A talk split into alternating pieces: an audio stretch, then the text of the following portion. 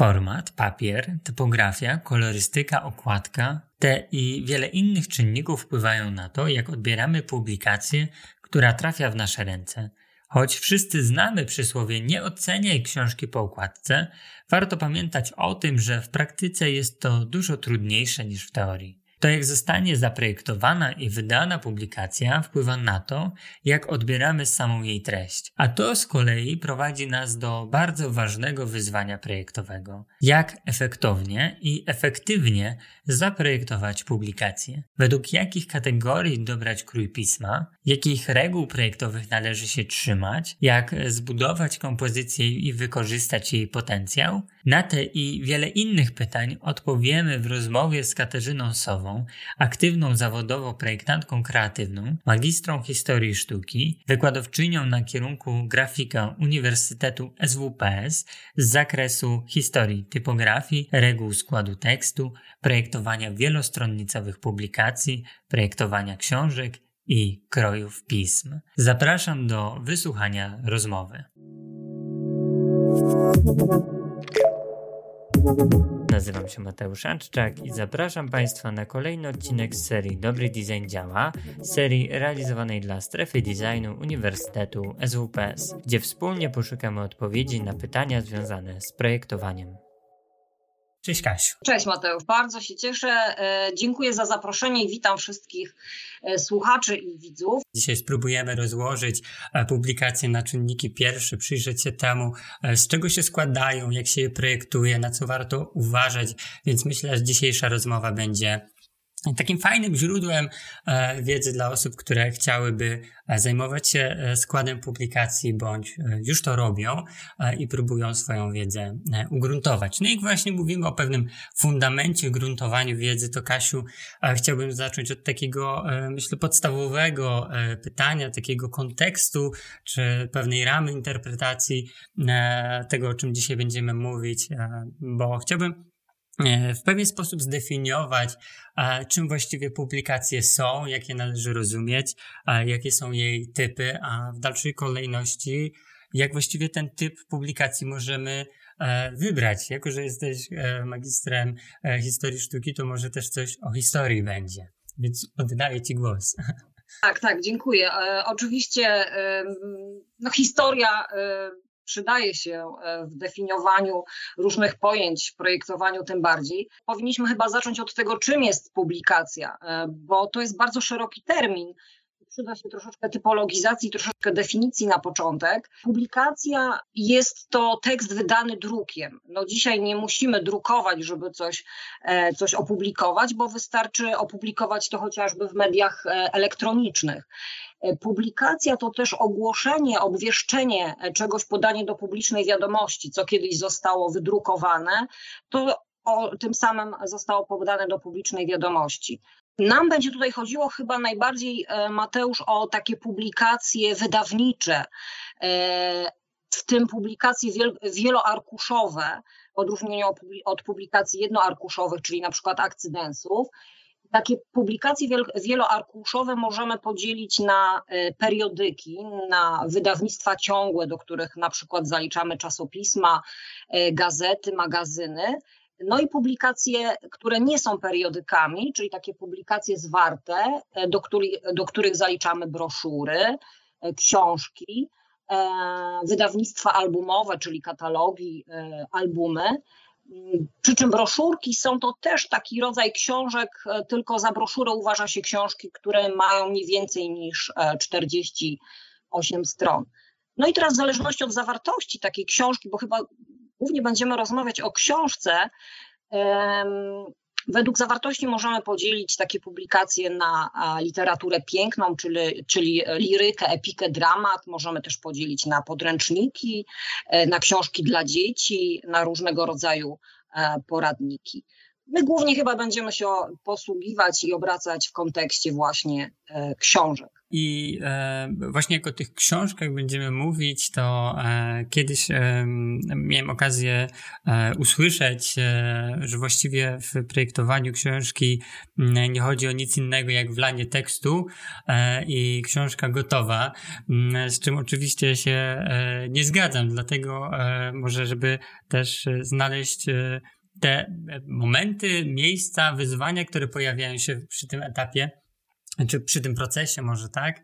E, chciałbym Cię, Kasiu, podpytać w takim razie, jeżeli rozłożymy sobie taką książkę na czynniki pierwsze, to co właściwie w tej książce się e, projektuje? Jakie, jakie właśnie ta książka może mieć e, elementy, które stanowią dla nas takie wyzwanie projektowe?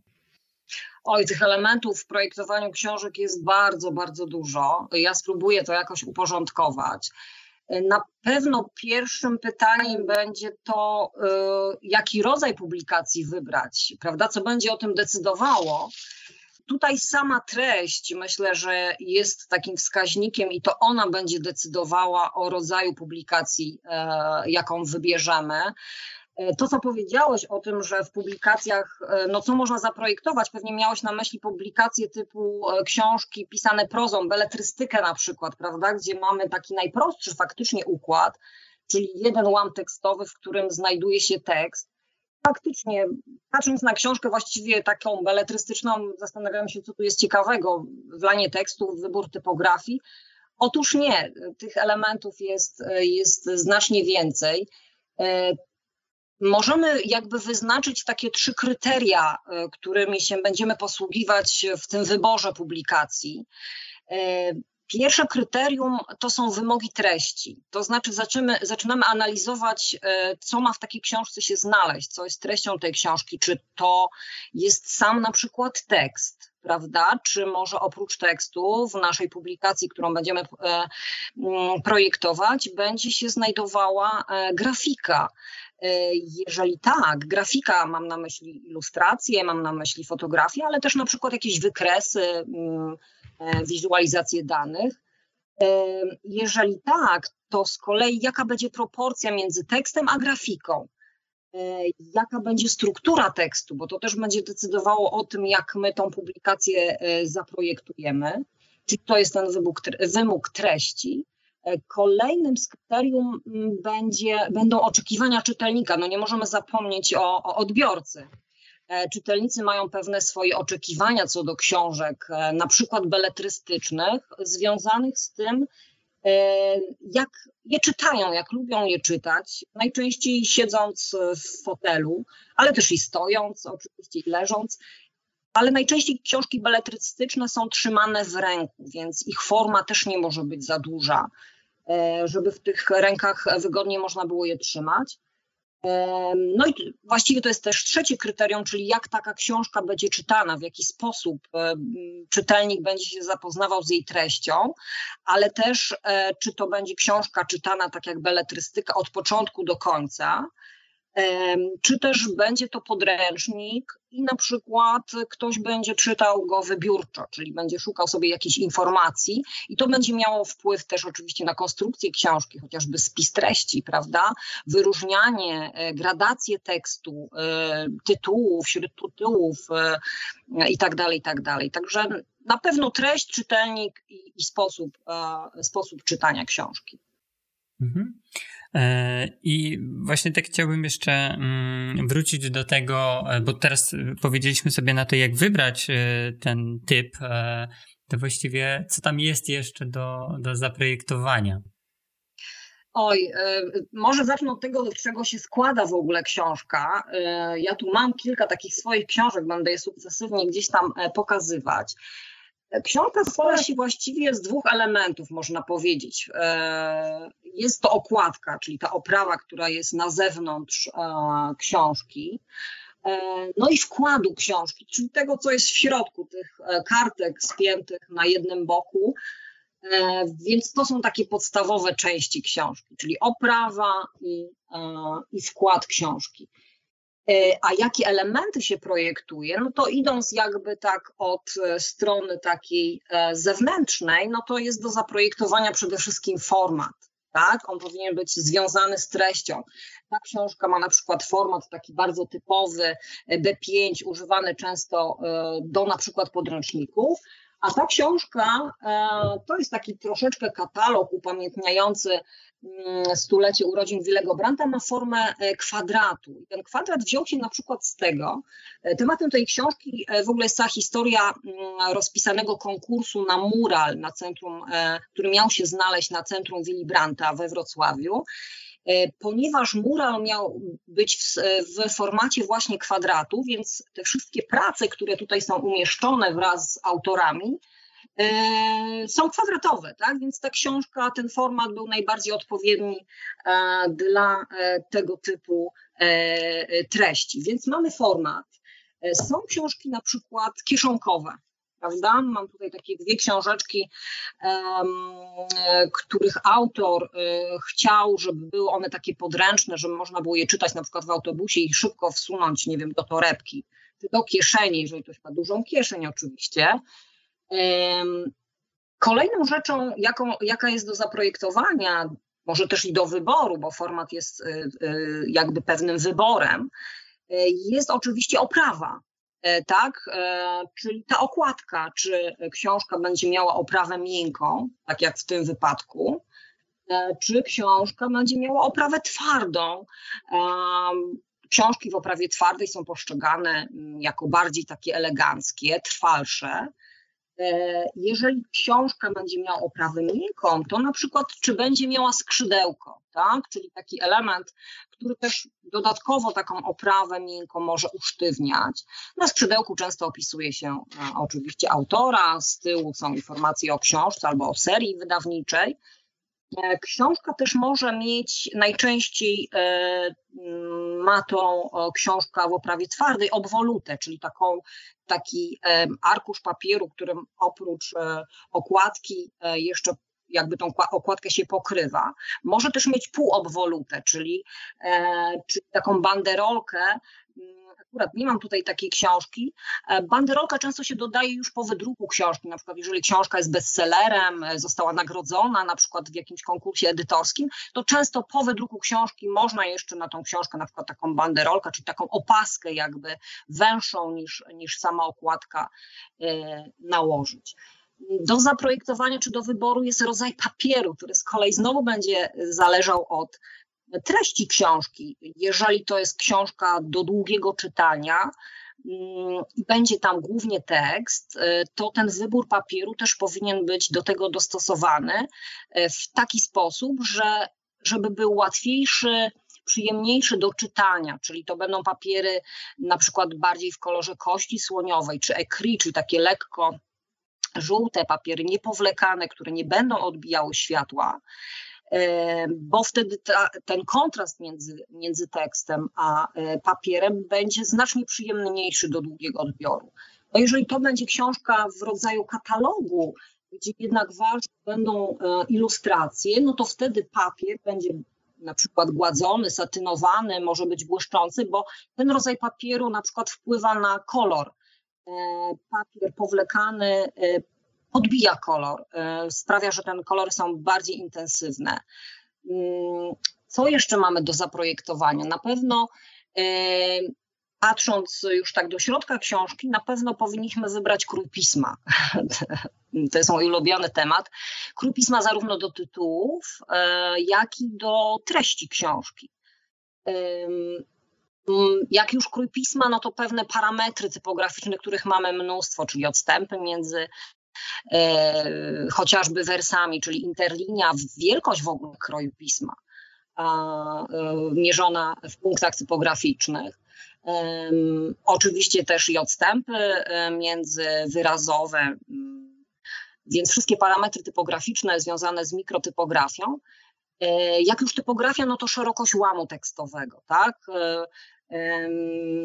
Zawsze ta szerokość łamu tekstowego powinna być dostosowana do wielkości typograficznej, dlatego że mm, jeżeli to ma być książka do długiego czytania, to bardzo ważna jest ilość znaków wierszu e, w takim łamie tekstowym. Ona nie może być ani za długa, bo będziemy gubić linijki tekstu, kiedy będziemy wracać do początku kolejnego wersu, nie może być też za krótka, bo to czytanie będzie takie niespokojne, będziemy co chwilę musieli przejść do następnej linijki, będzie też dużo wyrazów, które będzie trzeba podzielić i to też może wprowadzać dyskomfort czytelnika.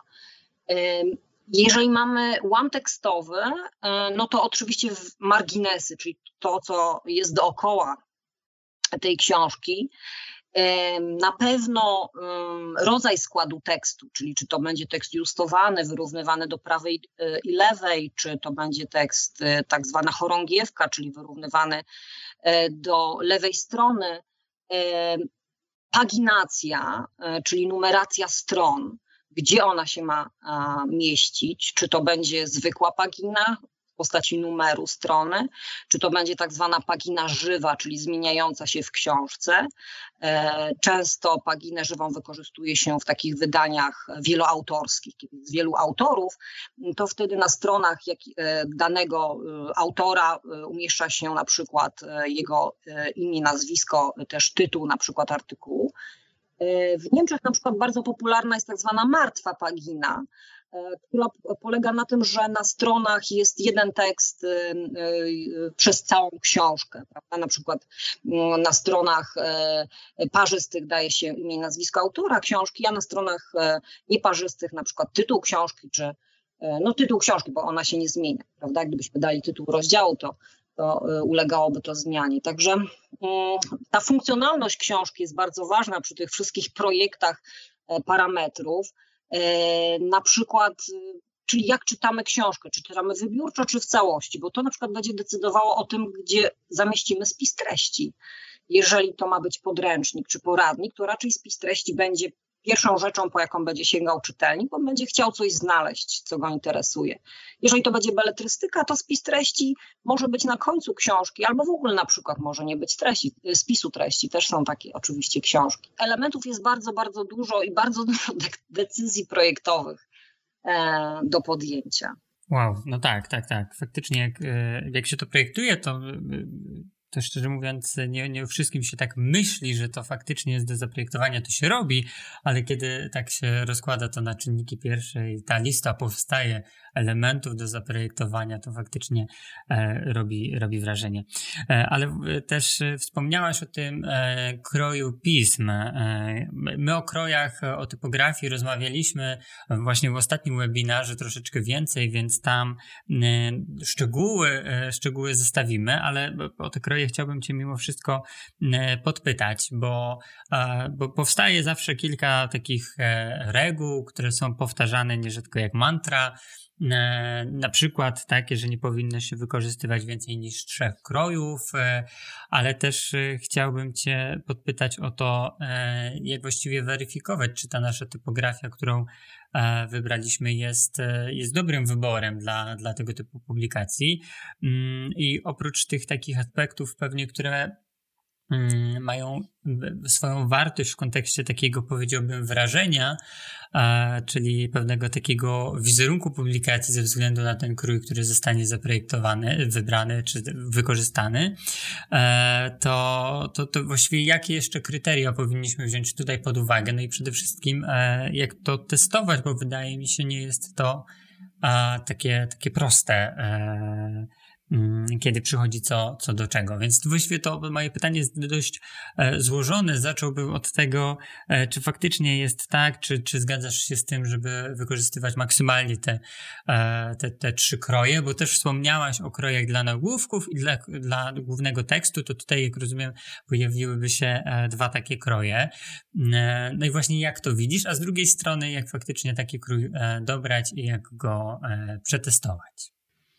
E, tak, pozwolisz, że jeszcze wrócę do tego projektu książki.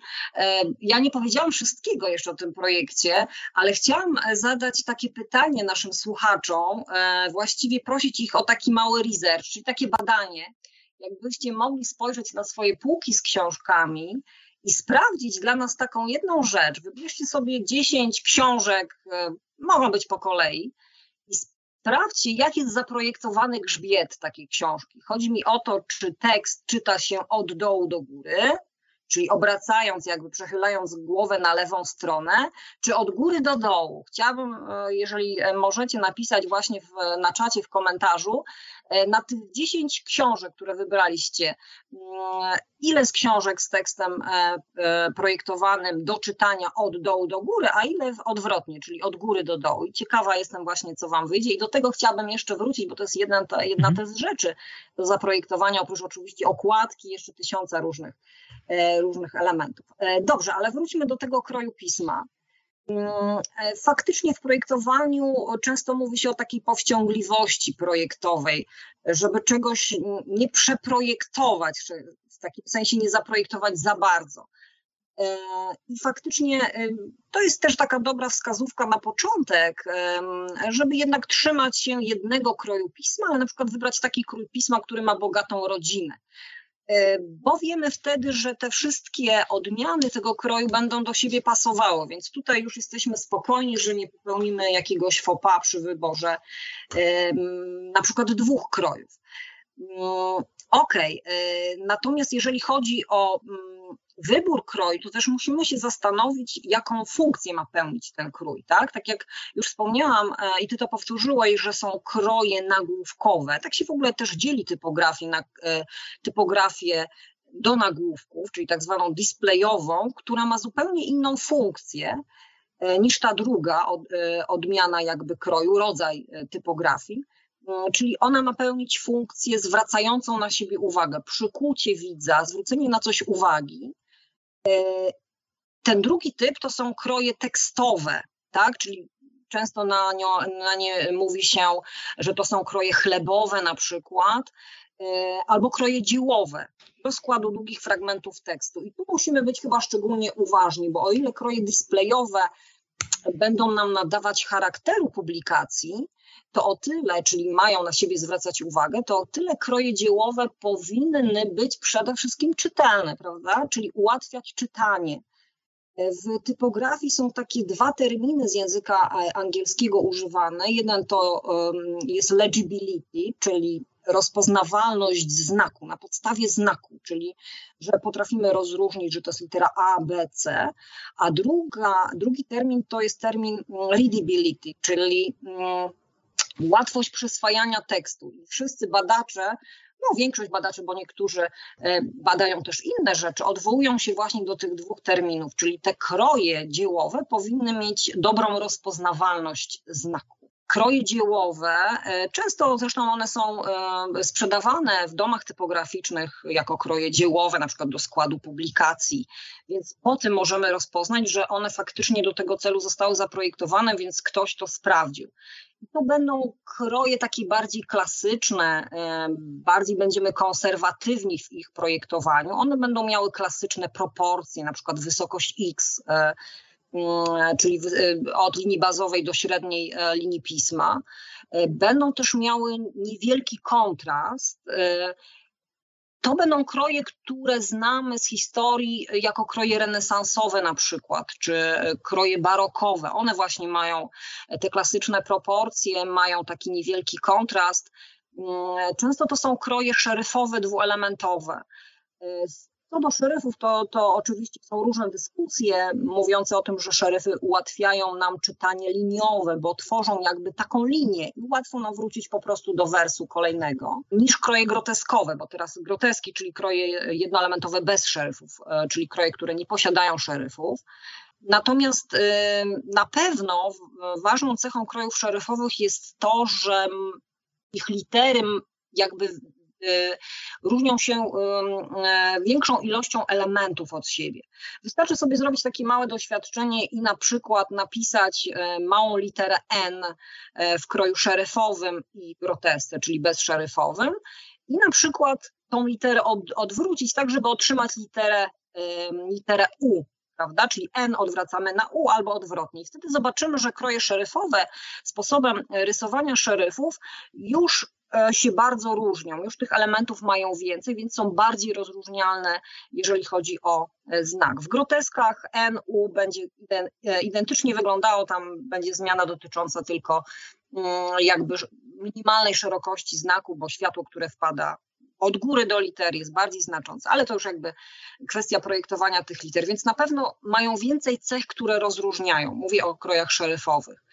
Mm, ale musimy pamiętać, że e, kroje, które są projektowane do składu długich tekstów, e, to są właściwie fonty. Ja mówię słowo font specjalnie dlatego, że font to jest jakby taki mini program w tym e, kroju pisma, którym jakby mówi nie tylko o kształcie liter, ale też mówi o pewnych elementach, które są zawarte oprócz tego kształtu i to są na przykład odległości międzyliterowe. To projektuje projektant tak, danego kroju. I w tym projektanci, które, którzy projektują kroje właśnie do składu długich e, tekstów, e, specjalnie bardzo staranną uwagę na to zwracają, jakie są światła. One muszą być równe, muszą być spójne między sobą. E, kolejną rzeczą jest na przykład odstępy między wyrazami, które też mają wpływ na to, jak my szybko potrafimy, czy jak dokładnie, czy jak wygodnie nam się teksty e, czyta. Ale to jest zawarte w foncie, prawda? Jeżeli on jest dobrze zaprojektowany, to takie rzeczy tam są i możemy być spokojni. Natomiast jest wiele innych cech, które które możemy zepsuć jako my, jako projektanci, bo w foncie nie jest napisane, czyli nie jest zakodowane, jaka ma być interlinia, jaki ma być stopień pisma na przykład. Najczęściej w, w, literaturze mówi się, że krój pisma do długiego czytania powinien mieć między 8 a 11, czasami też się mówi 12 punktów. To też nie jest takie jednoznaczne, jest to przedział, ponieważ litery mają różne wysokości x, prawda, różne długości wydłużenia górnych i dolnych, więc trudno jakby tu mówić um, o konkretnej wielkości. Ale no, tu już na pewno należy na to zwrócić uwagę. Kolejna rzecz to jest interlinia, tak? Nie może być ani za duża, ani za mała. Szerokość łamu tekstowego, więc to wszystko, o czym e, już wcześniej troszeczkę mówiłam, ale no to powinniśmy na pewno brać pod uwagę, więc projektując książkę dobrze jest znać troszeczkę historii typografii, bo wtedy zaczynamy rozróżniać wiemy jaka jest nomenklatura, więc jak już znamy nomenklaturę, to też wiemy, co ona oznacza i potrafimy pewne elementy znaleźć w takich krojach, do nich się odwołać. E, no i też e, historia i też każdy, myślę, że kto składa książki, powinien przynajmniej troszeczkę wiedzieć coś o projektowaniu liter, też o ich historii, ale też o historii książek w ogóle, bo książki zanim się pojawiły, to, to pisaliśmy na glinianych tabliczkach, e, e, później na, na papirusie, e, później dopiero pojawił się pergamin, a jeszcze później papier. Także, także myślę, że no, ta wiedza jest jednak dosyć, dosyć szeroka.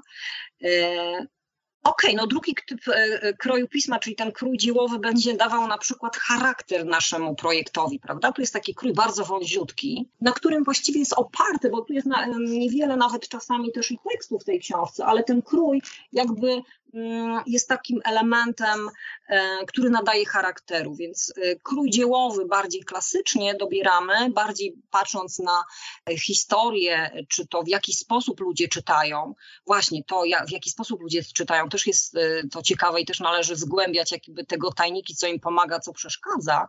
Jest wiele badań na ten temat. Natomiast już większą swobodę mamy do wybrania, wybraniu kroju y, tytułowego, y, który może być bardziej charakterny, mniej czytelny, bo też tego tekstu tym krojem e, nie piszemy zbyt dużo.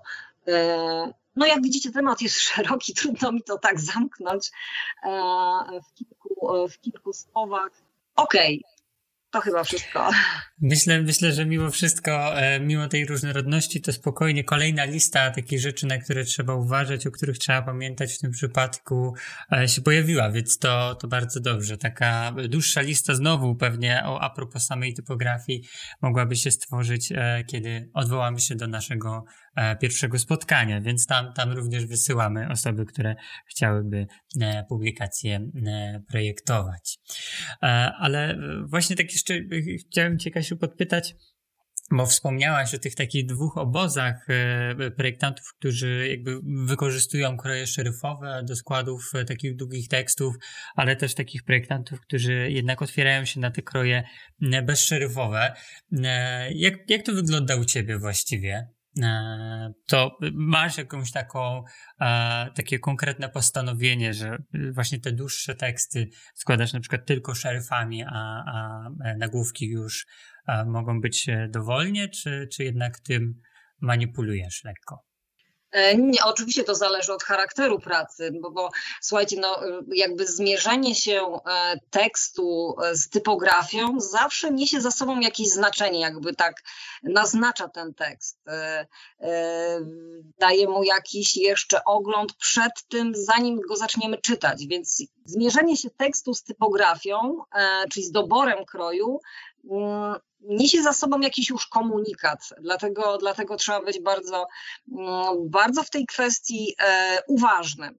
E, nie mam co do tego, e, odpowiadając na Twoje pytanie, czy zawsze szeryfowcy, czy nie, bo dobrze znacie z historii typografii, bo chcemy złożyć, nie wiem, dzieło kla jakieś klasyczne, to wiadomo, że raczej będziemy szukali kroju, który będzie się wiązał z czasami na przykład powstania tego dzieła. Zresztą tych sposobów dobierania krojów na zasadzie czegoś tam jest bardzo, bardzo e, dużo. Ale załóżmy, że odwołamy się do tego kontekstu historycznego prawda? E, no wyobraźmy sobie, że składamy dzieło matematyczne e, krojem renesansowym, prawda? Jakoś tak nie bardzo nam to, ta matematyka i taki klasyczny krój e, pasuje, więc do jakichś naukowych prac często, częściej wybiera się kroje bezszeryfowe, ponieważ one są takie odbierane jako takie bardziej nowoczesne, więc sam wybór kroju już cechuje, już jakoś naznacza nam tekst, prawda? Co się łatwiej czyta, to jedno, bo też druga jakby szkoła mówi, że jesteśmy przyzwyczajeni do krojów szeryfowych, bo one są w większości tekstów ciągłych w beletrystyce na przykład, więc nam się je czyta lepiej. Ale to nieprawda, bo jakbyśmy częściej stosowali jakiś tam typ kroju, na, załóżmy, nie wiem, zaczęlibyśmy gotyk, e, gotykiem składać teksty, to po jakimś czasie pewnie nie byłoby to łatwe, ale jeżeli byśmy się przyzwyczaili, to ten gotyk też byśmy zaakceptowali, więc to nie jest tak, e, tak do końca. Jest taki artykuł, bardzo ciekawy, zresztą często się właśnie mm, do niego e, odwołują, badacze czy, czy projektanci odwołują, E, to jest taki e, tekst e, Beatrice Ward, Kielich i wino. Ona typografię taką do czytania porównuje do kielicha, prawda? Zawartość, treść do wina. I teraz wiemy, jak pijemy wino, to ważny dla nas jest kształt tego kielicha, prawda? Ważne, że on jest przeźroczysty, że on jest czysty na przykład, bo wtedy jakby nie ma to już takiego znaczenia, bo skupiamy się na zawartości. Podobnie jest z typografią, jeżeli ona jest przeźroczysta, odwołując się do tego kielicha, dobrze dobrana, czyli my jej w ogóle nie zauważamy prawda? Zaczynamy kielich na przykład do wina oglądać wtedy, kiedy coś z nim jest nie tak, ma nie, ta, nie ten kształt i coś nam przeszkadza w smakowaniu. Więc tak też jest z typografią. I ja bym raczej dobierała typografię do charakteru, patrzyła, jaki ona charakter nadaje. E, więc ta wiedza historyczna myślę, że jest szalenie ważna. Też dobrze jest zobaczyć, bo nasi czytelnicy często są konserwatystami, prawda? Więc oni do czegoś są przyzwyczajeni. Więc jeżeli projektujemy, mm, nie wiem, jakiś podręcznik, e, mm, nie wiem, do sklejania jakichś, e, nie wiem, przedmiotów na przykład, e, ktoś chce zrobić podręcznik o projektowaniu czy sklejaniu, nie wiem, samolotów, to zobaczmy, jak inni to robili wcześniej, bo pewnie nasi czytelnicy mają jakieś już przyzwyczajenia i je oczywiście można łamać, ale musimy mieć konsek- jakby być świadomi konsekwencji czy oni tego w ogóle chcą, czy tego oczekują od podręcznika do, do modelowania, prawda, na przykład do sklejania samolotów tego, więc, więc patrzmy jak robią to inni, do czego są przyzwyczajeni nasi czytelnicy i patrzmy jak tekst jakby naznacza mm, nam treść, prawda, bo jednak, jednak treść zestawiona z, z danym krojem pisma już ma jakiś e, wizualny charakter, już nadaje jakieś znaczenie. Wspomniałaś w swojej wypowiedzi o takich y, dwóch rzeczach. Z jednej strony o uważności, z drugiej strony o, o trzymaniu się pewnych zasad e, i pewnych kanonów, które gdzieś tam sobie e, zafunkcjonowały. No to właśnie o tych zasadach teraz e, chciałbym chwilkę porozmawiać.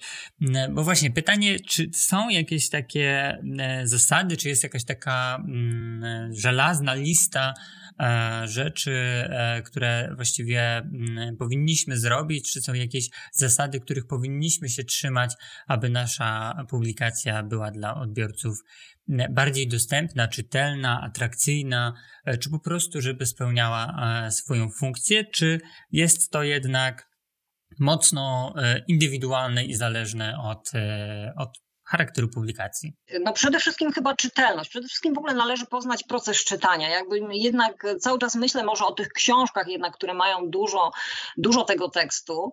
E, oczywiście był okres w projektowaniu, e, modernizm jakby wyciszał pewne elementy, bardziej działał, e, bardziej działał e, skromnością. Później był postmodernizm, gdzie teksty, litery były cięte, było wiele emocji. E, jak zobaczymy modernistyczne dzieło, ono jest takie, no, prawda, mało emocjonalne. Tam liczyła się funkcja, czyli przeniesienie jakby treści. Natomiast postmodernizm cechował się właśnie taką, mm, e, takim punkiem troszeczkę, czyli takim łamaniem wszelkich reguł, bo tego już było e, na pewno za dużo. Więc no, jaki ma mieć charakter ta nasza publikacja? Czy, czy jednak chcemy, żeby czytelnik skupił się na treści, bo ta treść jest najważniejsza, czy jednak chcemy e, nadać jej charakteru i, i, pokazać jakby samą formą już e, wygenerować jakiś kontekst. Wtedy jakby projektant może być, e, może nie na równi, ale gdzieś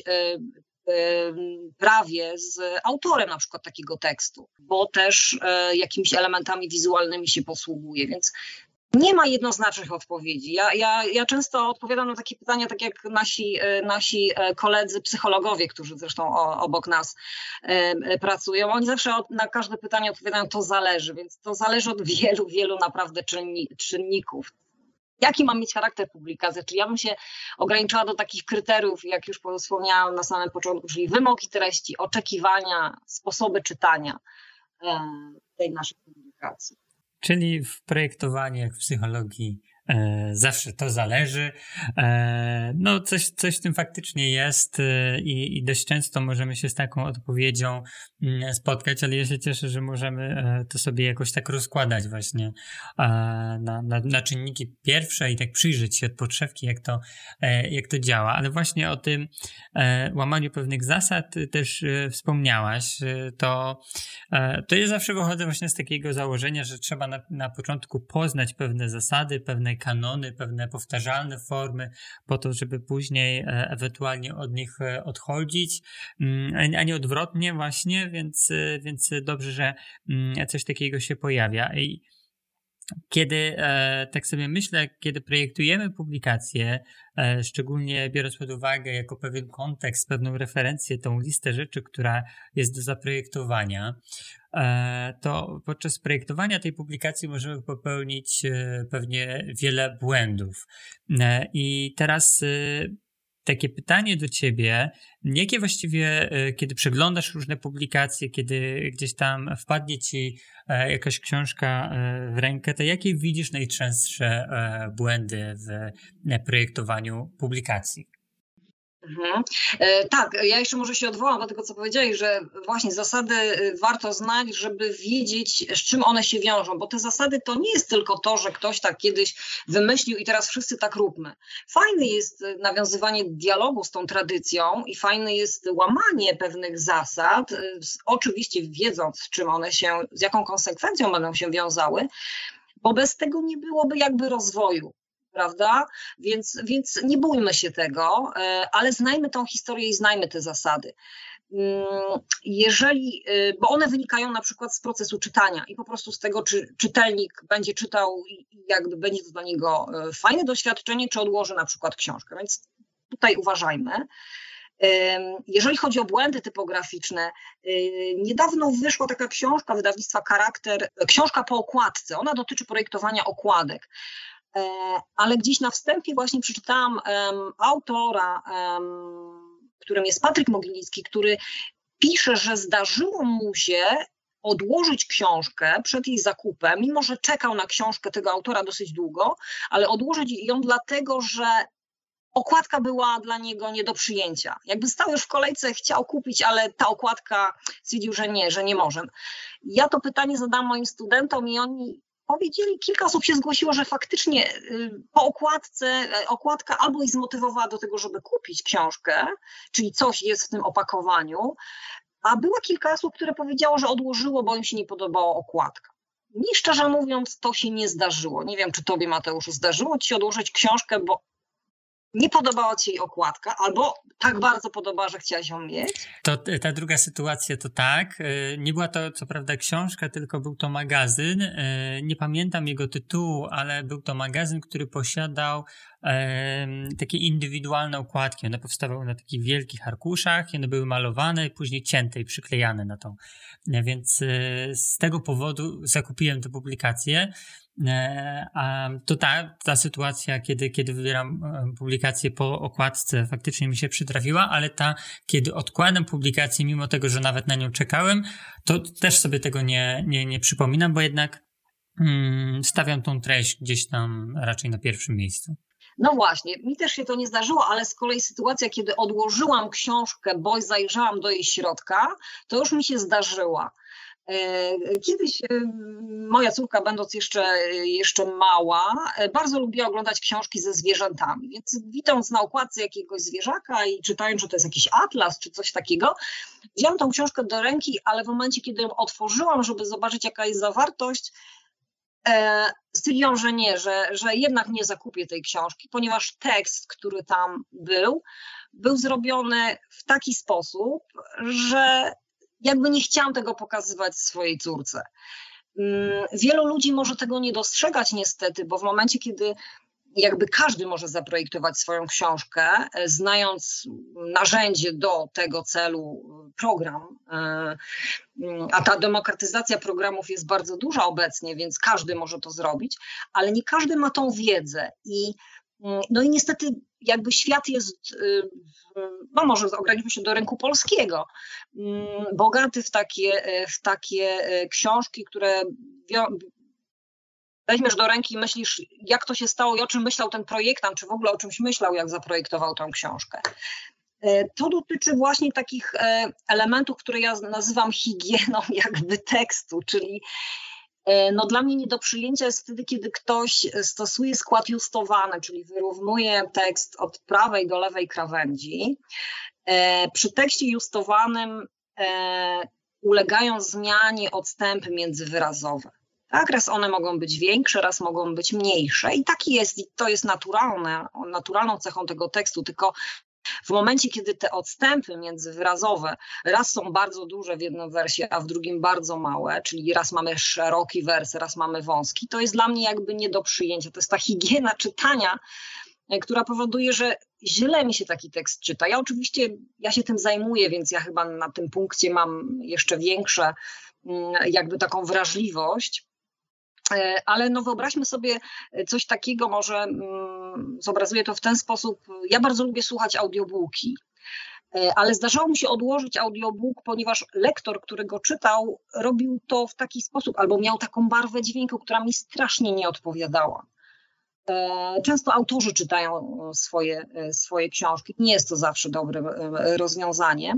Więc to samo dotyczy typografii, czy dobrze dobranej, czy dobrze, mm, znaczy czy źle dobranej, czy, czy źle też złożonej, czyli te odstępy międzywyrazowe. To tak, ja to postrzegam jakby ktoś, kto znaczy w momencie, kiedy ja to czytam, jakbym słuchała kogoś, kto się na przykład jąka, prawda? Bo my jednak czytamy w jakimś rytmie. W ogóle ludzie, którzy chcą szybko czytać książki, uczą się czytać je w pewnym rytmie, mają metronom, prawda? I to jest, przyspieszają ten, ten proces i tak dalej. I, i te dystanse międzyliterowe jakby wszystko to rujnują, tak mi się wydaje, nie? Więc, więc mm, przede wszystkim chyba, chyba to, albo na przykład zostawianie, nie wiem, spójników, czyli wyrazów jednoliterowych na końcach. Może to mam gdzieś po szkole, tak po prostu mnie uczono, że się tego nie zostawia i tak mi gdzieś to zostało, że, że w momencie, kiedy chcę czytać ten tekst, to właściwie widzę tylko te spójniki, prawda? I nie mogę się na nim skupić. Kolejna rzecz to jest E, zaczynanie na przykład nowego akapitu od ostatniej linijki, na przykład e, ostatniej linijki łamu, prawda? Czyli tak, tak, zwane, e, tak zwana wdowa, prawda? Albo z kolei bankart, czyli to, co nam zostaje na górze z poprzedniego łamu. To są, to są rzeczy, które wpływają na czytelność, czyli jeżeli czytasz sobie coś już myślisz, że jakby książka się skończyła, albo już jakby wydaje ci, że to jest koniec rozdziału, przerzucasz i widzisz ostatni wyraz jeszcze na następnej stronie. To bardzo jakby niszczy e, ten, to, ten sposób przyswajania treści, więc to będą na pewno tego e, typu rzeczy. Na przykład też, co mówiłam o przeprojektowaniu książki, czyli zaprojektowaniu jej za bardzo. Oczywiście są książki takie punkowe, gdzie, gdzie możemy sobie bardziej żonglować tymi elementami. Ja bardziej chyba teraz się skupiam na książkach takich klasycznych, na przykład takie coś jak wcięcia kapitowe, prawda? To jest taki wyróżnik.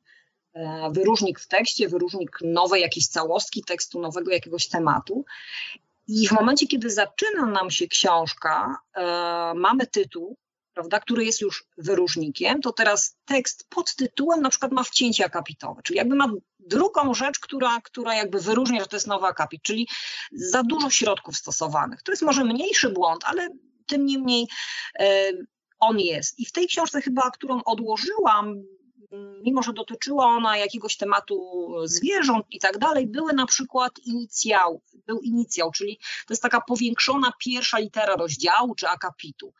Był tam inicjał, te inicjały wiążą się z historią książki, gdzieś tam w średniowieczu mm, już e, one były, żeby jakby wyróżnić e, jakąś całostkę tekstu, to te inicjały, nie dość, że one były i już były tym wyróżnikiem, to jeszcze one miały wcięcie akapitowe, czyli jakby były cofnięte w stosunku do kolumny tekstu. To, to dla mnie już jakby było wtedy też, wydaje mi się, już za dużo i fajnie jest oglądać dobre rzeczy, bo wtedy przywykamy do tego. Ja, ja nie mogę na przykład znieść tego, kiedy czytam nagłówki w telewizji, na przykład paski te E, pod jakimiś programami informacyjnymi i teksty są ściśnięte na przykład, bo jest go dużo, musi się zmieścić i nie jest wykorzystany krój, którym jest taki kondens, czy teraz mamy te variable fonts, czyli te fonty wariatywne i możemy na przykład sobie je wręcz na takich paskach dostosowywać do naszej treści, tylko one są po prostu ściśnięte, co widać, bo, bo pionowe elementy są zwężone w literach, a poziome są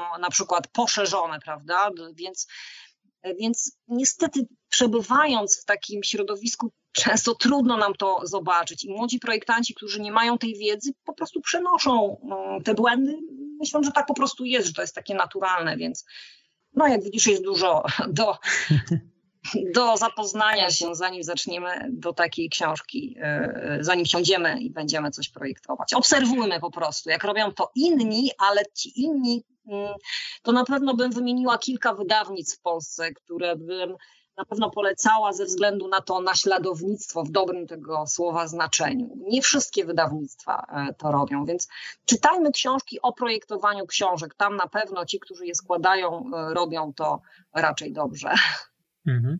Właśnie jak tak opowiadałaś, to przypomniałaś mi e, właśnie jedną, jedną książkę, którą uwielbiam za treść, ale nienawidzę za skład właśnie, ze względu na to, że e, tak jak też to się tak fajnie łączy z tym, o czym rozmawialiśmy, e, o ilości mm, wariantów krojów, ale też wielkości. I tam właściwie te kroje latają po całych stronach, nie ma właściwie jednego łamu, tylko to sobie też tak lata, nie ma marginesów, czego ja bardzo nie lubię na przykład w publikacjach, kiedy tych marginesów nie ma, bo, bo mam wrażenie, że ten tekst po prostu gdzieś tam z tej strony mi ucieka mm, i, i ciężko mi się coś takiego e, czyta. E, no niestety, niestety e, ta publikacja gdzieś tak mam wrażenie, wraca do mnie co jakiś czas, właśnie ze względu na swoją treść, ale cały czas liczę na to, że kiedyś trafię na jakąś reedycję, która zostanie e, troszeczkę lepiej e, złożona. No ale właśnie jak mówimy o, o, o publikacjach, o, o pewnym procesie projektowym, no to Kasiu, chciałbym Cię jeszcze tak na koniec e, podpytać o ten proces, który towarzyszył Tobie przy okazji projektowania Twojej publikacji, której bardzo serdecznie Ci gratuluję. Tak, tu jest ta książka, ona już czeka tutaj koło mnie i się niecierpliwi. E, tak, to jest moja ostatnia książka, e, którą, której jestem zarówno autorką treści, jak i ilustracji, jak i formy. Jest książka niezmiernie e, dla mnie ważna. Nosi ona tytuł ABC typografii. Czyli jest to takie ABC typografii, jak sam tytuł wskazuje. E, no, książka, którą nie było mi łatwo zaprojektować ze względu na to, jakie ona problemy porusza. To są podstawowe problemy, czy mm, ona też jest takim e, zbiorem pewnych wskazówek, pokazujących też historię na przykład typografii, historię na przykład cyfr, skąd wzięły się cyfry. Wszystko po to, żeby mieć większą świadomość e, później mm, projektując czy używając liter, czy projektując na przykład publikacje, bo ta publikacja ma z tyłu taki kolofon, czyli takie zakończenie książki jest bardzo rozbudowany. Kolofon zwykle zajmuje więcej niż pół strona, czasem kilka zdań.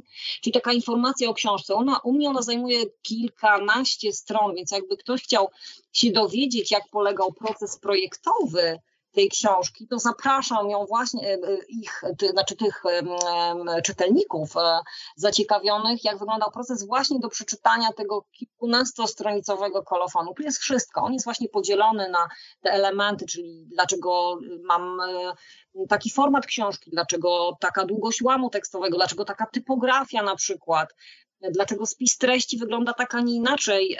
Więc wszystko tutaj jest, rozebrane na czynniki pierwsze. Nie było mi łatwo projektować, dlatego że typografia pełna jest takiej pedantyczności, prawda? Takiej skrupulatności, takiego oglądania wszystkiego, drukowania, oglądania, sprawdzania.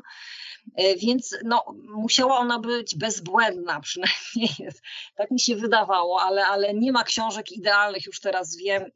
Nie bójcie się projektować książek, bo nie ma idealnych. Dążymy do ideału, ale, ale pewnie mm, ciągle mamy co, co robić. Więc y, skupiałam się właśnie na tą, jaką ona ma formę. Ona, słuchajcie, książka też jest obiektem e, takim sensualnym. To jest ważne, prawda? Żebyśmy też książki traktowali jako obiekty. E, I miałam takie założenia, słuchajcie, projektowe, żeby ta książka po pierwsze zachęcała wzięciem do ręki, czyli miała jakąś wagę, nie za dużą, ale też, żeby nie była to jakaś taka bardzo drobniutka książka, żeby była miękka. Nie wiem, dlaczego chciałam mieć miękką książkę, więc ona jest miękka, faktycznie można złożyć, ona ma miękką oprawę, mm, żeby była przyjemna też w dotyku, więc ten papier był dla mnie szalenie ważny, e, żeby zawierała jakieś takie niespodzianki. Jedną z takich niespodzianek jest to, że ona ma dwie jakby odsłony, dwie twarze, które też się wiążą z projektowaniem. E, chodzi mi o okładkę prawda? Ta okładka jest od, y, y, ma takie skrzydełko, które można odwrócić y, i w zależności od tego, jak sobie je odwrócimy, taką mamy, taką mamy wizualną formę żeby ona zapraszała do otworzenia, więc długo żeśmy się zastanawiali, jak to zrobić, żeby ona, nie lubię książek, które jak otworzę, to zaraz się zamykają, prawda? Ta książka jest na tyle miękka, słuchajcie, że jak się otworzę, Taki prosty zabieg. Pierwsze książki takie były i nikt się temu nie dziwił.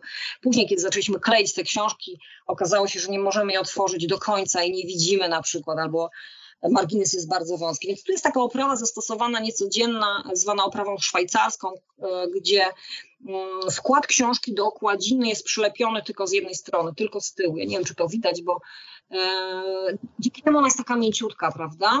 Ona też nie ma żadnych uszlachetnień. Nie chciałam żadnych uszlachetnień, dlatego można ją sobie zgiąć, prawda? Ona jest miękka, nic tu nam nie popęka, jest czysty papier, surowy, co będzie się oczywiście wiązało z tym, że ta książka e, będzie się niszczyć, ale jakby to niszczenie też jest wpisane w ten projekt. Pamiętajmy o tym, że książka się zużywa, prawda? Że ona się niszczy, to, to jest normalne i bardzo się cieszę, jeżeli ona się będzie niszczyła, znaczy, że ktoś ją czyta, prawda? Mam nadzieję, że ją czyta, a nie podpiera e, nią e, jakieś elementy e, swojego pokoju na przykład.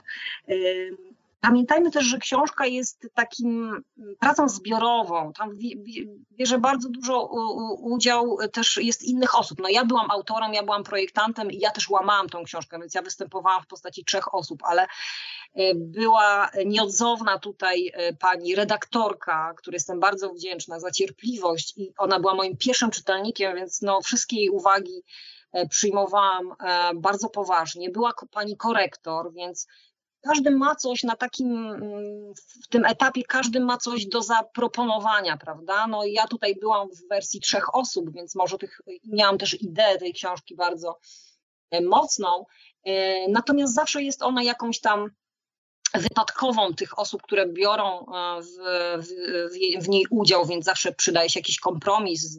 Dla każdego poczucie estetyki jest takie samo. Więc ja bym chciała tak szybko zaprosić do tej książki.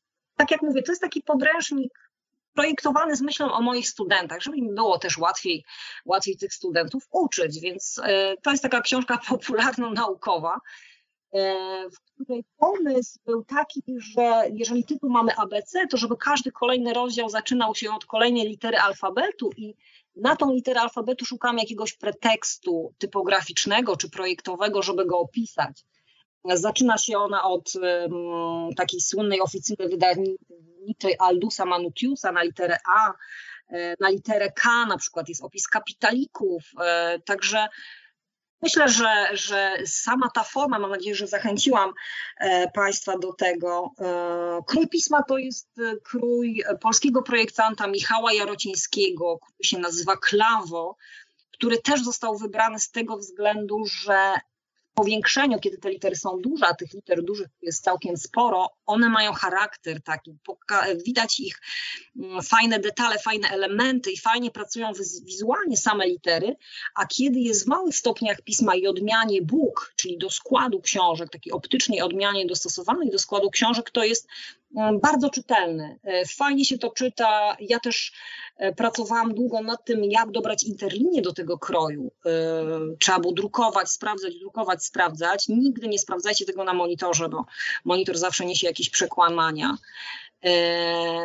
Okej, okay, dużo jest w tej książce, o książce jest dużo w książce, więc ja nie będę może ubiegać. E, tak jak mówię, nie ma książek idealnych, e, zawsze można coś zrobić, byłoby lepiej, zawsze mamy jakiś rygor czasowy, finansowy, inny, więc, więc nie bójcie się tego robić i, i badajcie, dyskutujcie, oglądajcie książki. Właśnie nie wiem, czy już czas chyba dobiega końca, ale nie wiem, czy mamy te odpowiedzi na pytanie odnośnie grzbietu, bo też chciałam troszeczkę o tych grzbietach poopowiadać, nie wiem, czy zdążymy. Zaglądałem gdzieś tam do siebie e, za swoje plecy e, i, i, myślę, że jest jednak tych książek więcej, które są pisane, przynajmniej u mnie tutaj na, na półce, którą teraz widzę, jednak od góry do, do dołu. Tak, są dwie szkoły projektowania. No to może faktycznie to, to czas na, na jeszcze inne, inne nasze spotkanie. Tych jakby detali w projektowaniu jest bardzo Pewnie. dużo tych komponentów, więc trudno to zamknąć, nawet jak widzicie w godzinnie. Tak jak wspomniałem na początku, e, Kasia już e, miała okazję wystąpić w webinarze, ale też od Kasi możecie znaleźć Państwo na blogu e, Strefy Designu kilka artykułów właśnie traktujących na temat e, typografii. Jak dobrze pamiętam, one też nazywają się ABC typografii, e, więc pod tym tytułem, oprócz tego, że znajdziecie Państwo publikacje Kasi, to również właśnie te artykuły. Tam jest bardzo duża dawka wiedzy, więc do tego serdecznie Państwa zapraszamy.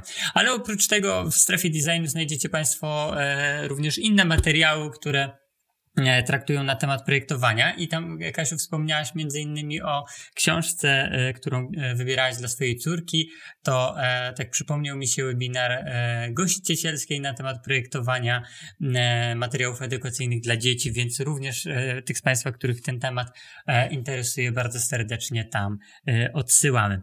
Ja myślę, że to co powiedziałaś też pod koniec, że właściwie nie ma książek idealnych, my do pewnego ideału dążymy, to jest e, takie mm, dość optymistyczne, inspirujące, więc myślę, że z tym e, możemy Państwa e, na dzisiaj zostawić. Ja bardzo, Kasiu, Ci dziękuję za dzisiejszą rozmowę. Tak jak wspomniałaś, moglibyśmy rozmawiać jeszcze kolejne godziny i pewnie tematów nie byłoby końca, także mam nadzieję do zobaczenia za jakiś czas w cyklu Dobry Design Działa, więc dziękuję Ci bardzo. Dziękuję. E, a Państwu dziękuję za uwagę, za obecność e, i, e, i zapraszam do kolejnych materiałów w ramach serii Dobry Design Działa. I dzisiaj życzymy Państwu miłego wieczoru.